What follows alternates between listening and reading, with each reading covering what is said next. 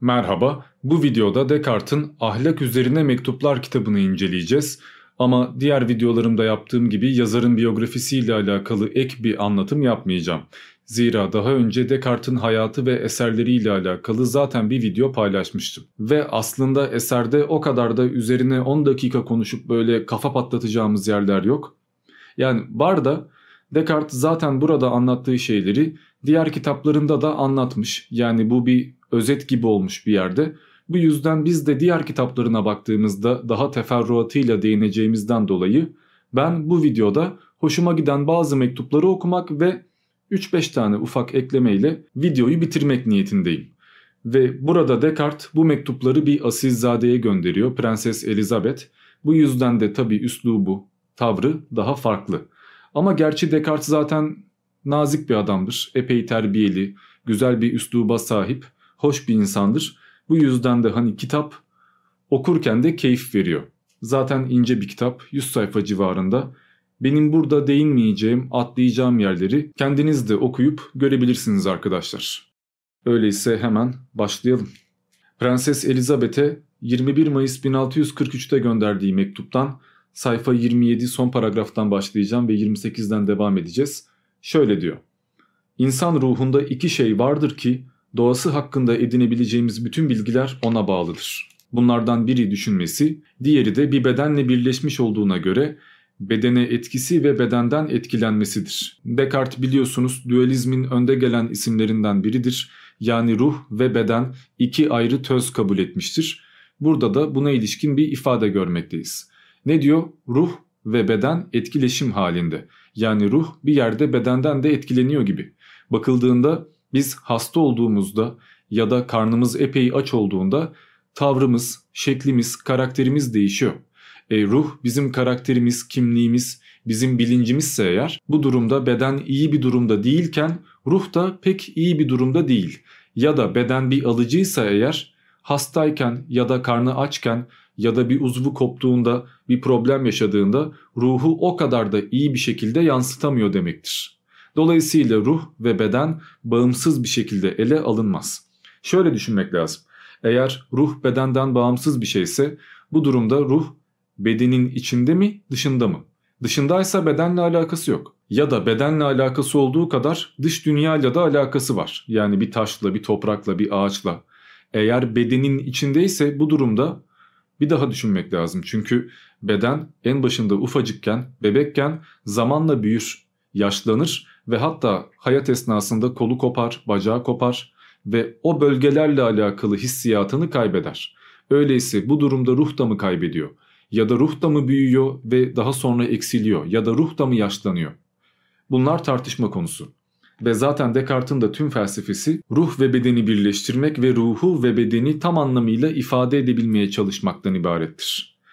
Zaten meditasyonlar kitabında falan da bu daha iyi bir şekilde ortaya koyuluyor. İleride onunla alakalı da video paylaşacağım merak etmeyin. 18 Mayıs 1645'te gönderdiği bir mektup sayfa 36. Ben bilgelerin duygusuz olmasını isteyen o zalim filozoflardan değilim. Sizin kendinizden çok aileniz ve sevdikleriniz için üzüldüğünüzü biliyorum. Bunu da erdemlerin en güzeli olarak görüyorum. Fakat zannederim ki yüce ruhlarla aşağı ve bayağı ruhlar arasındaki başlıca farklar şunlardır. Bayağı ruhlar tutkularının esiridirler. Başlarına gelenin tatlı veya acı oluşuna göre mutlu ya da mutsuz olurlar.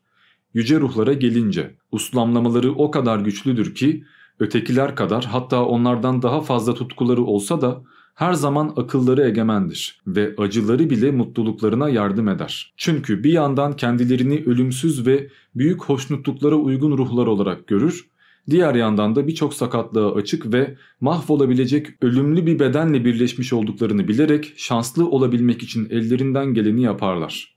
Ama yine de sonsuzluğun yanında bu hayata o kadar az değer verirler ki olup bitenlere bizim komedi oyunlarına baktığımız gözlerle bakarlar. Devamında resmen bir kişisel gelişim, bir hayata düzgün bakma ya da bir epikür anlayışı var.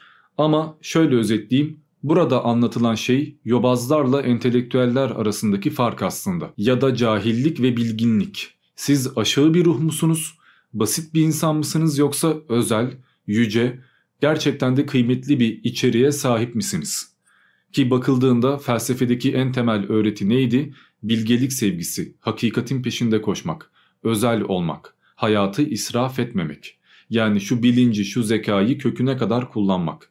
Bu bakımdan yüce ruhlar filozoflardır. Ya da insanlığa hizmeti olmuş, faydası dokunmuş, bir şeyi değiştirmiş, bir şey katmış kimselerdir. Ha, hiçbir şey katmayan ya da sadece efendi efendi yaşayanlar aşağı ruhlar mıdır? Hayır.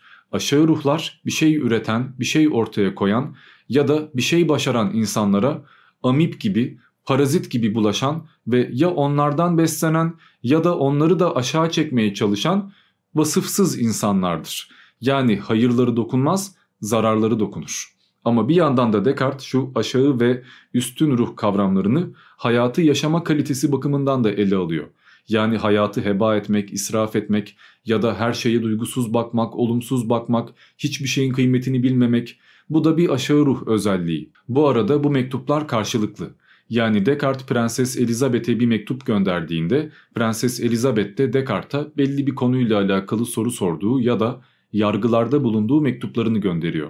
Bu yüzden de konu konuyu açıyor yani karşılıklı bir şekilde bir sohbet kurulmuş oluyor. Bu yüzden de antik çağ, orta çağ ya da işte epikürcüler veya diğer filozoflar veya akımlar bunlar da tartışılıyor. 18 Ağustos 1645'te gönderdiği bir mektubu okuyorum şu anda sayfa 52. Şöyle bir şey yazıyor. Nihayet Epikür mutluluğun neden oluştuğunu, eylemlerimizin amacını düşünürken onun genel itibariyle şehvet, has yani ruhun hoşnutluğu olduğunu söylemekte haksız değildir. Çünkü her ne kadar görevimizi bilmemiz bizi iyi eylemlere yöneltse de eğer yaptığımızdan zevk almazsak hiçbir mutluluk duymayız. Fakat şehvet ya da haz adı çokça kaygı, sıkıntı ve pişmanlıkla birlikte veya onlardan sonra doğan yalancı zevklere verildiğinden birçok kişi Epikür'ün bu düşüncesinin kötülüğü öğrettiğini sanmıştır. Bu İslamiyet'te de lezzetiye dediğimiz hayatın tadını çıkarmaya uğraşan ve bir kere geldik dünyaya bak keyfine diyen başka bir anlayışla da bağdaşabilir. Devam edeyim. Gerçi erdemi de öğretmiyor. Yani Epikür ne kötülüğü ne de erdemi tam anlamıyla vermiyor diyor. Burada bir tenkit var. Fakat nasıl hedefi tutturana ödül verilen yerde ödülü görenlerde hedefe atış yapma arzusu uyanırsa fakat hedef olmadıkça ve hedefi görenler de bir ödül görmedikçe atış yapmazlarsa aynı şekilde hedef olan erdem de tek başına olduğunda insanda büyük bir arzu doğurmaz. Fakat ödül olan hoşnutluk da erdemin yolunda gidilmedikçe kazanılamaz. Böylece mutluluğun sadece ruh hoşnutluğundan yani genellikle hoşnutluktan oluştuğunu çıkarabileceğimi sanıyorum. Çünkü her ne kadar bedene bağlı olan bir takım hoşnutluklar varsa da ruhta bulunmayan hiçbir hoşnutluk yoktur. Fakat sağlam bir hoşnutluk için erdemin yolunda gitmek yani en iyi olduğuna hükmettiğimiz şeyi yapmak için sağlam ve kararlı bir irade sahibi olmak ve aklın kuvvetini de iyi karar vermek için kullanmak gerekir. Bence çok ustaca yazılmış bir şey yani tam bir bilgin sözü öyle söyleyeyim. Ve bir ekleme yapayım ki yaygındır bizim camia böyle şeyleri konuşmayı sever. Bedensel hazlar elde edildikçe sönerler, ruhsal ya da nefsani hazlar elde edildikçe azarlar. Bu nedir? Mesela karnın açtır ve çok güzel bir hamburger yersin ama karnın doyduktan sonra en sevdiğin yemekler gelse dahi yemek istemezsin çünkü doymuşsundur. Ya da artık affedersiniz ama azmışsınızdır, seks yapmak istiyorsunuzdur. Ama seks yaptıktan sonra da bir süreliğine artık seks sizden uzaklaşır. Yapma isteğiniz kalmaz çünkü tatmin olmuşsunuzdur, doymuşsunuzdur. Lakin iş öğrenmek, para kazanmak, güç kazanmak, iktidar sahibi olmak ya da kendini daha da geliştirmek, yükselmek olduğunda asla doymazsınız. Yani iyi ya 10 bin liram oldu daha da olmasın demezsiniz. 1 milyon lira da versek bir 1 milyon daha verdiğimizde olur ver dersiniz. Ya da bir mevkiyi yükseldiğinizde bir üste daha çıkmak, daha fazla rütbe almak her daim cazip gelir. Şöhret de böyledir. Asla doyulmaz. Hep daha ünlü olanlar ya da sizin hak ettiğiniz daha yüksek bir mertebe vardır. En azından insan böyle düşünür. Bu yüzden de hangi hazlar daha önemli? Bedensel hazlar mı, ruhani hazlar mı? Hangisi daha kıymetli ve ahlaklı? Şu mu, bu mu? Bu zaten 2500 yıldır tartışılıyor. Daha da tartışılabilir aslında ama o kadarını da size bırakayım bari. 1 Eylül 1645'te gönderdiği bir mektup. Kendisini mutlu etmek istemeyen hiç kimse yoktur. Fakat çoğu kişi bunun yolunu bilmez ve çok zaman bedendeki hastalık iradenin özgürlüğüne engel olur. Nitekim uykuda da aynı şey olur. Dünyanın en filozof insanı bile mizacı yatkınsa kötü rüyalar görebilir. Fakat şu da var ki zihin serbestken edinilen bir fikrin beden hasta da olsa sonradan yine zihne geldiğini deneyim gösteriyor. Epey bir zamandır düşlerimde canımı sıkacak hiçbir şey görmediğimi söyleyebilirim. Zihnimizde kötü düşüncelere yer vermeye alışmanın çok yararlı olduğundan kuşkum yok. Fakat ancak kendimize sahip olduğumuz zamandır ki mutlak olarak kendimizden sorumlu olabiliriz ve hayatımızı kaybetmek, aklımızı kullanma serbestliğini kaybetmemizin yanında önemsiz kalır. Dinin öğrettiklerini bir yana bıraksak bile tek başına doğal felsefe, ruhumuza ölümden sonra şimdikinden daha mutlu bir hayata erişeceğimiz ümidini verdiği gibi en korkulacak şeyin de ruhun özgürlüğünü tamamıyla elinden alan bir bedene bağlanması olduğunu gösterir. Burada iki nokta var. Bir, ahiret bağımsızlık, özgürlük sunduğu için caziptir ve aynı zamanda bu beden, bu hayat bir hapistir, bir sınırlamadır. Bu yüzden de burada ruh yeterince özgür değildir. Bu kötülükler ya da ahlaksız hareketler de zaten ruhun potansiyel eksikliğinden kaynaklanmaktadır. Ki bakıldığında yine ta Pisagor zamanında bile beden bir cesettir, bir hapishanedir. Bedenden kurtulmak, özgürleşmek lazımdır ya da devamında Diyojen devrinde dünyevi mallardan veya hazlardan uzaklaşmak, hakikate yönelmek lazımdır. Bir takım öğretiler filozoflarca dile getirilmiştir. Descartes ne Pisagorcudur, ne Diyojencidir, ne başka bir filozofla eşleştirmek mümkündür. O biraz daha özgün bir adamdır ve bakıldığında burada anlattığı şey bir yandan yine irade terbiyesi, kendini geliştirmek ve hayatı doğru yaşamakla alakalıdır. Ve görüldüğü kadarıyla Descartes'in en önem verdiği şey aklını kullanma serbestliğidir. Yani ölmek bile aklını kaybetmekten daha kötü değildir. Gerekiyorsa öl ama özgür bir şekilde öl. Çünkü seni sen yapan ya da sana kıymet kazandıran şey amacın, hedefin ve ilerlediğin yol, kat ettiğin mesafe. Eğer sen aklını kullanamazsan veya aklını kullanmaktan aciz bir hastalığa yakalandıysan bu durumda yaşamanın da bir anlamı yoktur. Çünkü insan önce kendini gerçekleştirmeli ya da hakikatin peşinde koşmalıdır. Bakıldığında Maslow'un ihtiyaçlar hiyerarşisinde de o piramitte en üstte ne vardı? Kendini gerçekleştirmek. İnsan elbette yemek yiyecek, su içecek, cinsel ilişkiye girecek, para kazanacak, bir şeyler yapacak. Ama en önemlisi kendini gerçekleştirecek. Özel bir karakter ortaya koyacak. Hayatın amacı budur. Tabi bu tartışılır yani bir nihiliste göre ya da bir varoluşçuya göre hayatın anlamı pek de öyle değil. Hatta bir anlamı yok.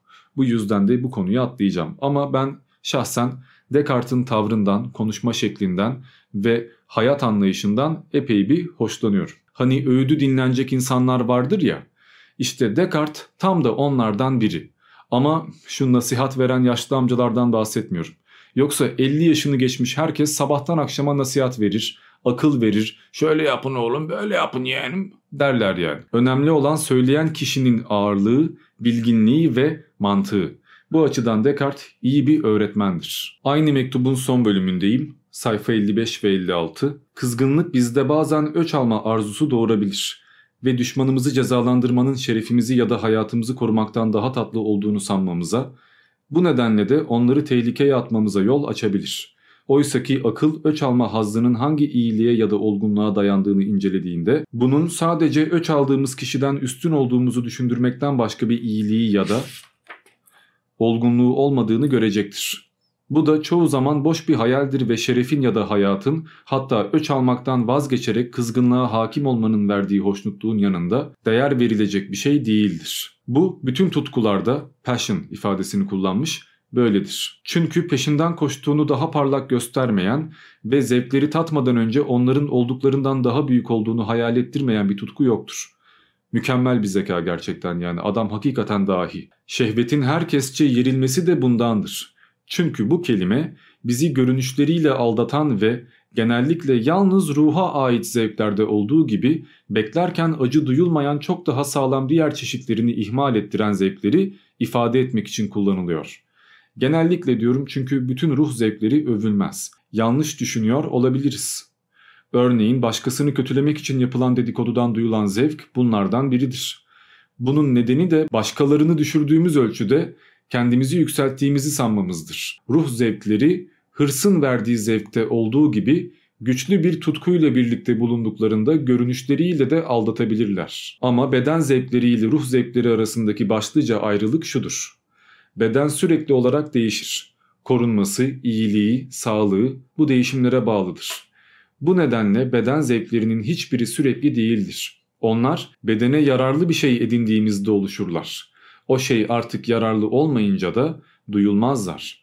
Oysaki ruh zevkleri gerçeğin bilgisiyle de herhangi bir yanlış kanıyla da yıkılmayacak kadar sağlam bir temele dayandıklarında ruh gibi ölümsüz olabilirler. Özetle ruh her zaman iyiyi istemez. Bazen karşı tarafı aşağılamak ve karşı tarafı aşağılayarak kendimizi iyi hissetmek, egomuzu tatmin etmek ya da başkalarına kötülük yapıp o kötülük sayesinde zengin olmak, kuvvet kazanmak yani kendi çıkarımızı maksimize etmek uğrunda başka insanları harcamak bu da ruhun bir isteğidir. Zaten bunun İslami camiadaki karşılığı nefstir. Bu yüzden de her istediğimize ulaşmak ve ruhum istiyor o zaman yapayım diye her türlü kötülüğe bulaşmak yanlıştır.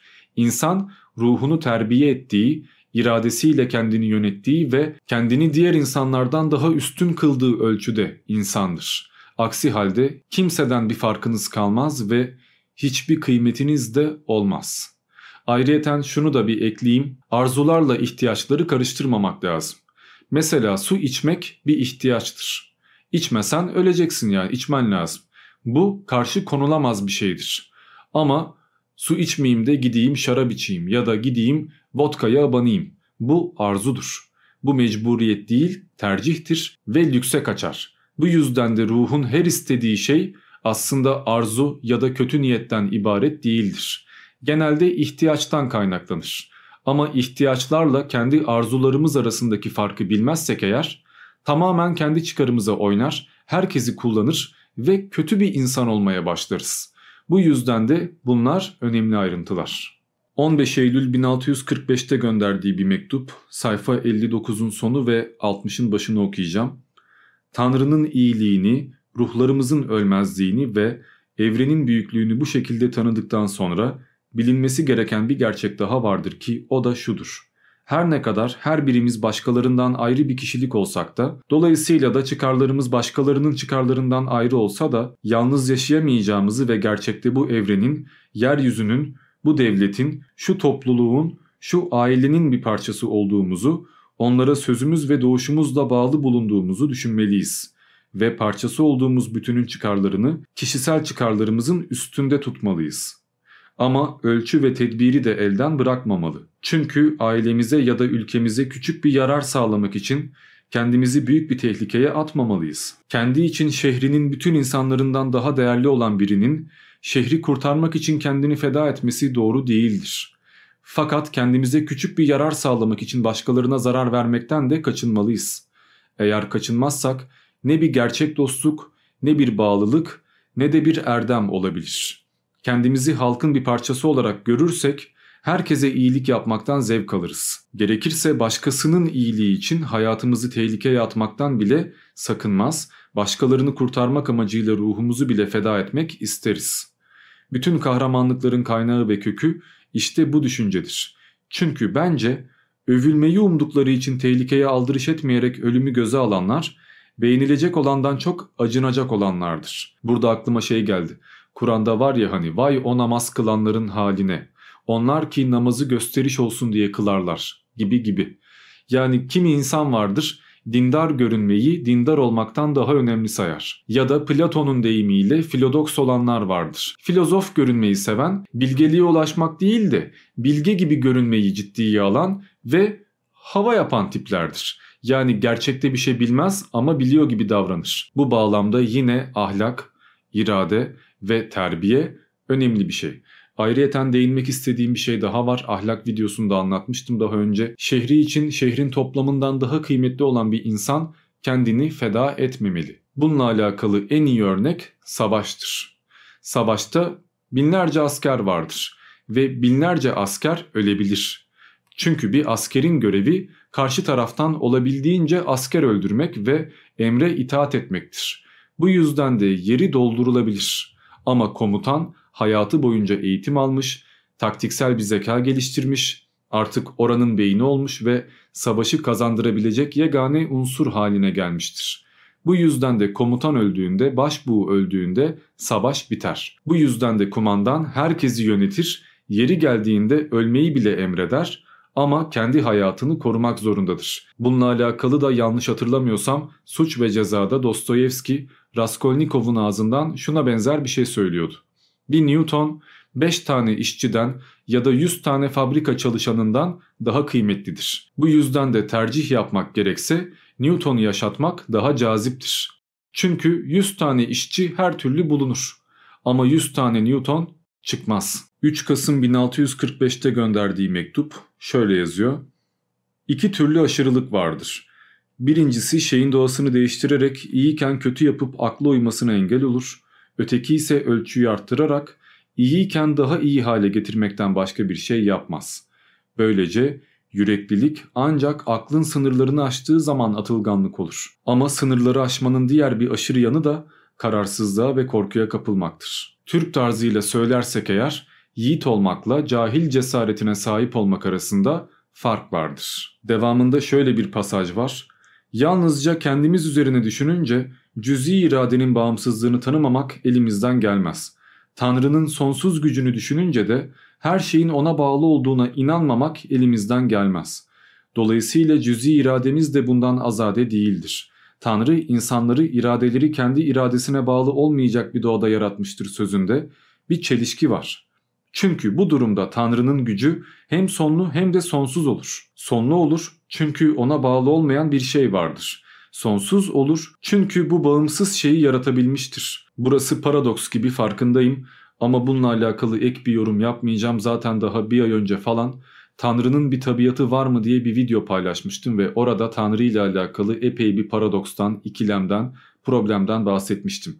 Merak edenler o videoya bakabilirler. Sayfa 73'teyiz. Neredeyse bitti gibi. Ocak 1646'da gönderdiği bir mektup. Cüzi irade üzerine olan sorunuzu tikel iradenin bağımlılığını ve özgürlüğünü bir kıyaslama ile açıklamayı deneyerek yanıtlamaya çalışacağım. Ne hızlı konuştum ya. Neyse. Ülkesinde düelloyu yasak eden ve farklı şehirlerde oturan iki soylunun birbirleriyle kavgalı olduğunu, rastlaşınca dövüşmelerine hiçbir şeyin engel olamayacağını bilen bir kral, bir gün ikisinden birini bir iş için diğerinin bulunduğu şehre gönderir. Bunların birbirleriyle karşılaştıklarında dövüşeceklerini, dolayısıyla da yasağına karşı geleceklerini kesin olarak bilir. Fakat onları düelloya zorlamış değildir. Onları bu şekilde yola çıkarması bir rastlantıyla karşılaştıkları zaman olduğu kadar isteyerek ve özgür olarak dövüşmelerine yol açar ve yasağına karşı geldikleri için birinci durumdaki kadar haklı olarak cezalandırılabilirler. Yani özetle Tanrı yapacağımız her şeyi biliyorsa bu durumda bizi niye buraya gönderdi? O zaman suç bizde mi? Biz zaten cehennemlik miyiz, cennetlik miyiz?